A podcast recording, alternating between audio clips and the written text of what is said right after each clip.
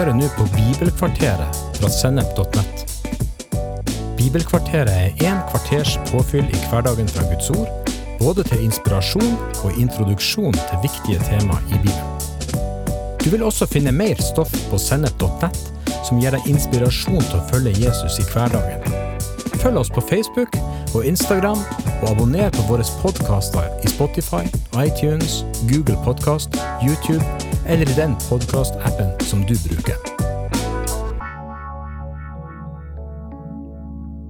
Denne episoden av Bibelkvarteret skal handle om det som ofte blir kalt for nattverden.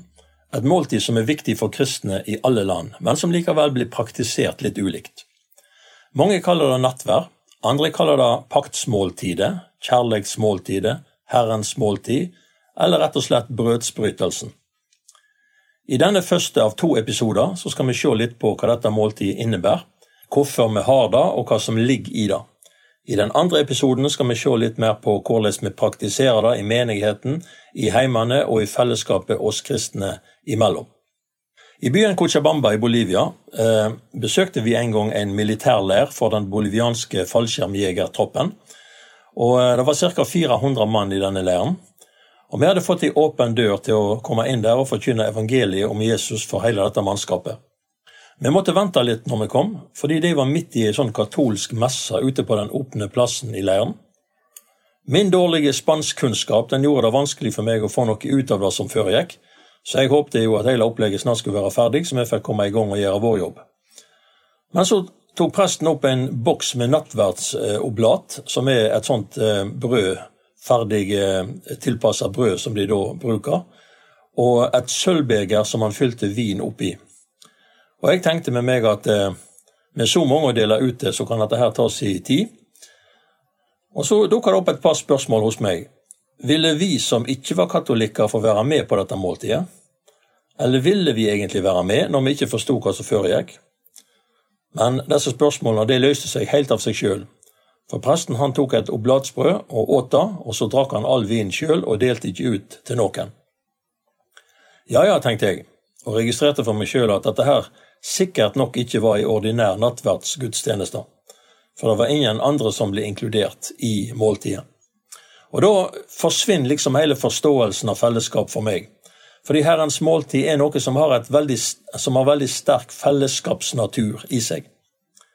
Det er òg det greske ordet kommunion betyr. Det er et ord som ofte Bibelen bruker i forbindelse med dette her med nattverdsmåltid, men det betyr fellesskap. Et fellesskapsmåltid. Først så vil jeg prøve å forklare hvorfor dette ene måltidet har så mange navn, og hva disse navnene betyr. Nattvær er kanskje det mest brukte, men likevel det minst forklarende navnet. Nattvær betyr bare nattmåltid eller kveldsmåltid, og kommer av at når Jesus innstifta måltidet, så var det i forbindelse med at han nettopp hadde ete det veldig viktige, tradisjonsrike påskemåltidet som jødene hadde i den gamle pakt, og det var et måltid de åt om kvelden. Og han tok brød og vin som var igjen etter dette måltidet, og han innstifta et nytt måltid. I eldre bibelutgaver så vil du se på norsk òg at eh, nattvær er det mest vanlige ord for dette måltidet, som skulle høre den nye pakt til, og som kristne skulle ete sammen for å minnes Jesus. I nyere bibler så finner vi ord som kjærleiksmåltid og paktsmåltid. Dette understreker det viktige i å minnes Jesus og fokusere på at det er hans liv som er inne i oss. Fordi vi alle som hører Jesus til, ber hans liv i oss, og fordi Han har elsket oss så høyt, så må vi òg elske hverandre med Hans kjærlighet og leve sammen på en måte som viser at sjøl om vi alle er veldig ulike som mennesker, så er vi ett i Jesus Kristus. Når vi er et kjærlighetsmåltid sammen, så deler vi brød og vin, til minne om Han. Da er det òg tid for å prøve oss sjøl, som Bibelen sier, i holdningene vi har til hverandre, sånn at vi er sikre på at ikke uforsonlige holdninger uvilje til å tilgi hverandre, forskjellsbehandling eller sånne ting får lov å leve videre i hjertene våre. Dette er viktig både for vår del og for, ikke minst for Guds del, men òg for at vi skal leve det livet som gjør at andre mennesker rundt oss kan se hvem Jesus er. At det blir kalt for paktsmåltid, kommer av at det å ete i lag var en helt naturlig del av det å inngå pakt med hverandre i den bibelske kulturen. Men det er òg sånn i den Guds rike kulturen som vi kristne lever i.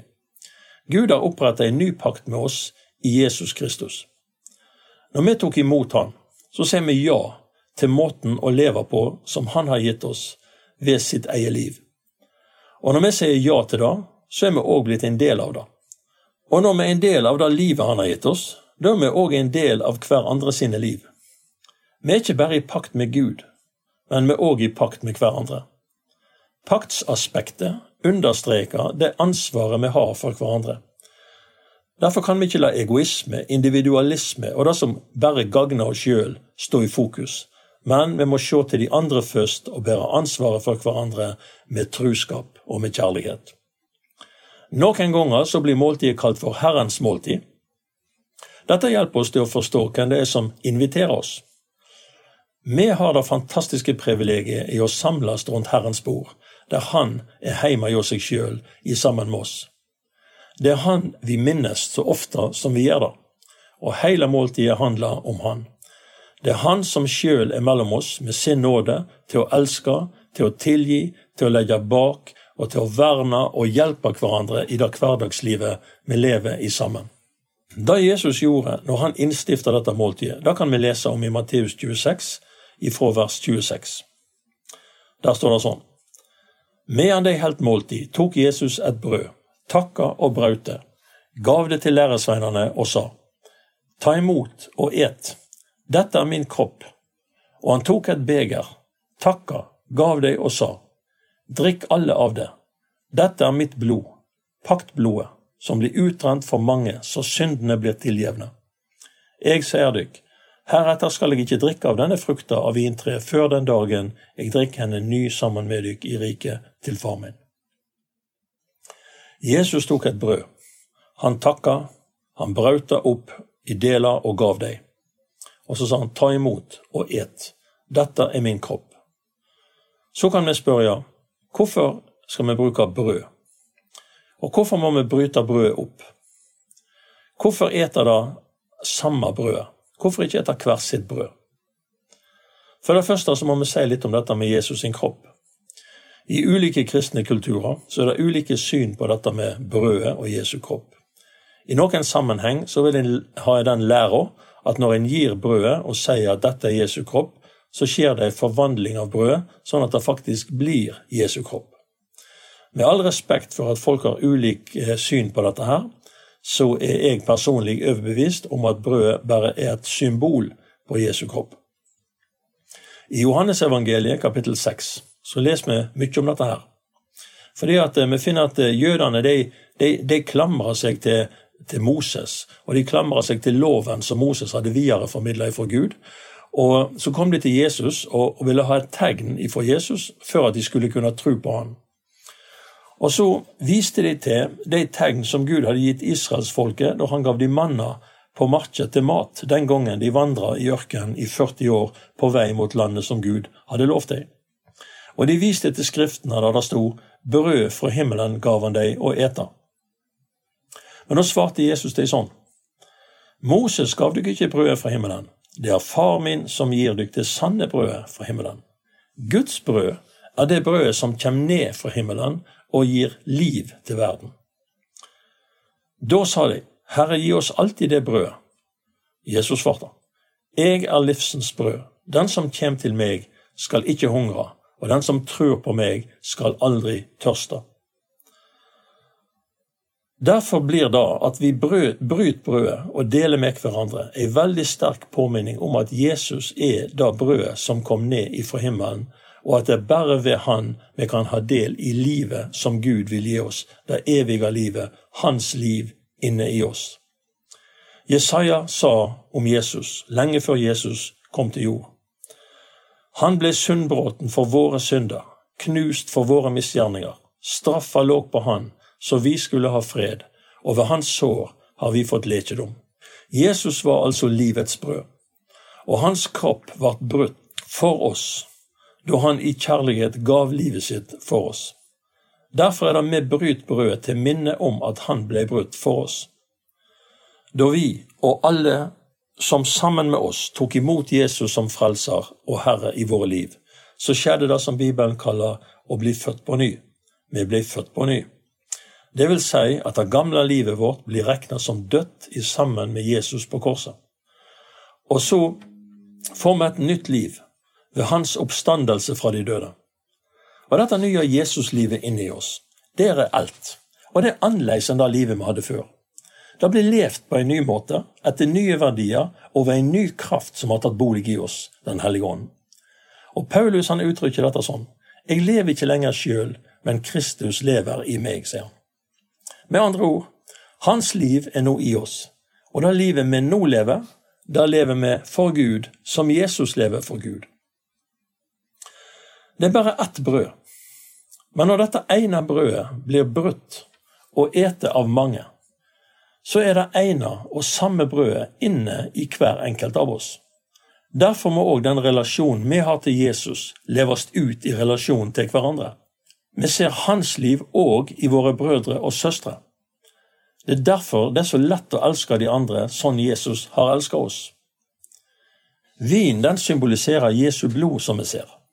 Jesus han tok kalken, kalken er dette begeret med vin da, som de hadde, og han gav dem og sa, Dette er mitt blod, paktsblodet, som ble utrent for mange til forlating for syndene. I Hebreabrevet 9,22 så står det at uten at blod blir utrent, så finnes det ingen tilgivning for synder. Dyreoffer som blir brukt i Det gamle testamentet, peker fram imot på et bedre offer som, ble, som skulle komme en gang, nemlig Jesu blod. Det står at blod av bukker og okser kunne aldri ta bort synder. Men de kunne dekke over i påvente av et bedre offer. Og Jesus han bar seg sjøl fram som et bedre offer for synd. Han bar fram sitt eget blod for Gud, og han sonte alle verdens synder en gang for alle. Og han rensa samvittigheten og stilte oss fram for Gud feilfrie.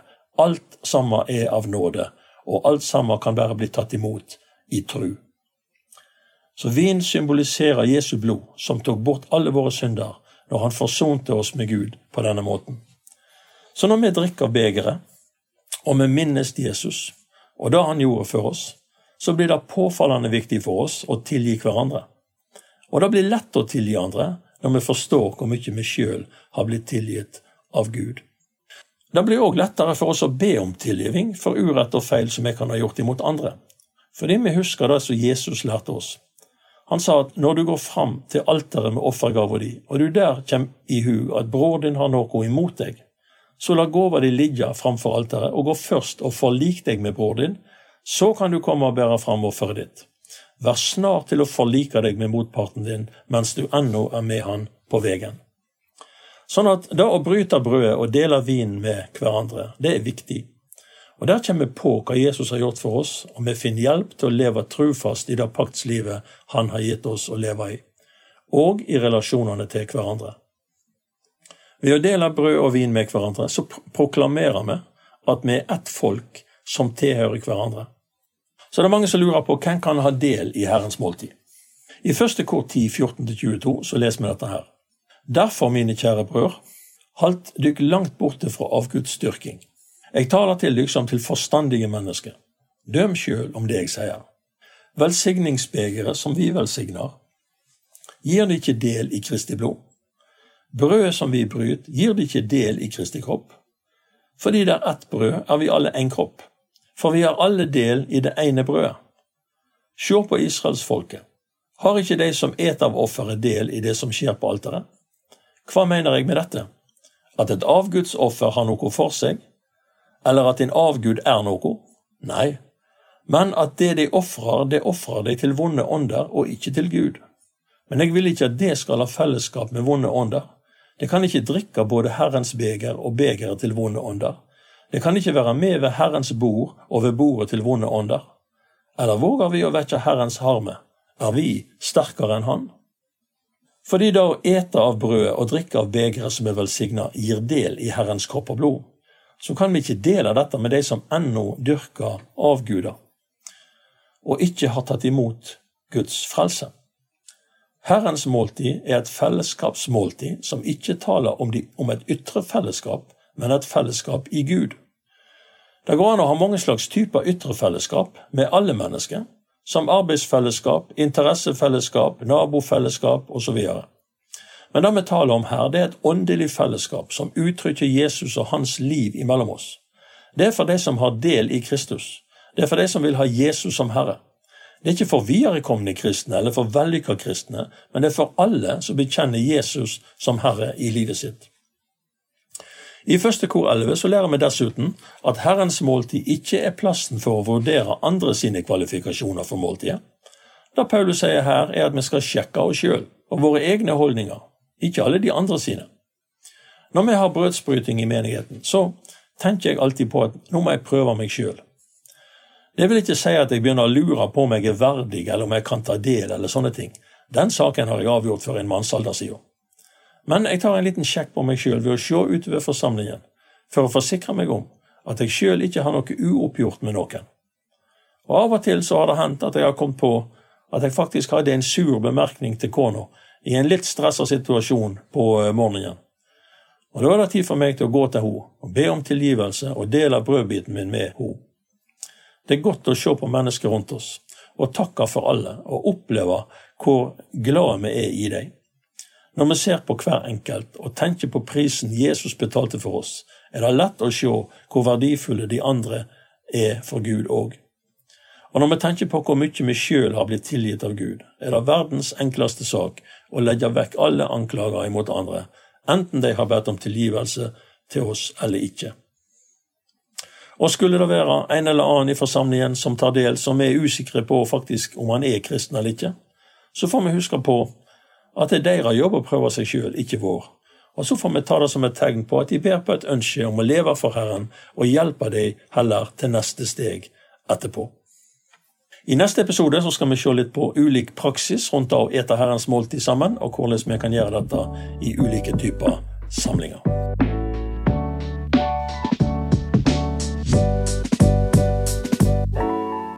Du har hørt en episode fra Bibelkvarteret på sennep.nett. Du vil også finne mer stoff på sennep.nett som gir deg inspirasjon til å følge Jesus i hverdagen. Innholdet på Sennep er gratis og tilgjengelig for alle, takket være økonomisk støtte fra kristent nettverk, menigheter og enkeltpersoner. Du kan også hjelpe oss ved å be for oss at vi skal forkynne ordet med frimodighet, ved å dele innholdet vårt med venner og bekjente ved å rate podkastene våre på iTunes eller i podkastappen som du bruker. Eller ved å gi en engangsgave på VIPS. VIPS nummer 54 66 68. Takk for at du lytter til Sennep.nett.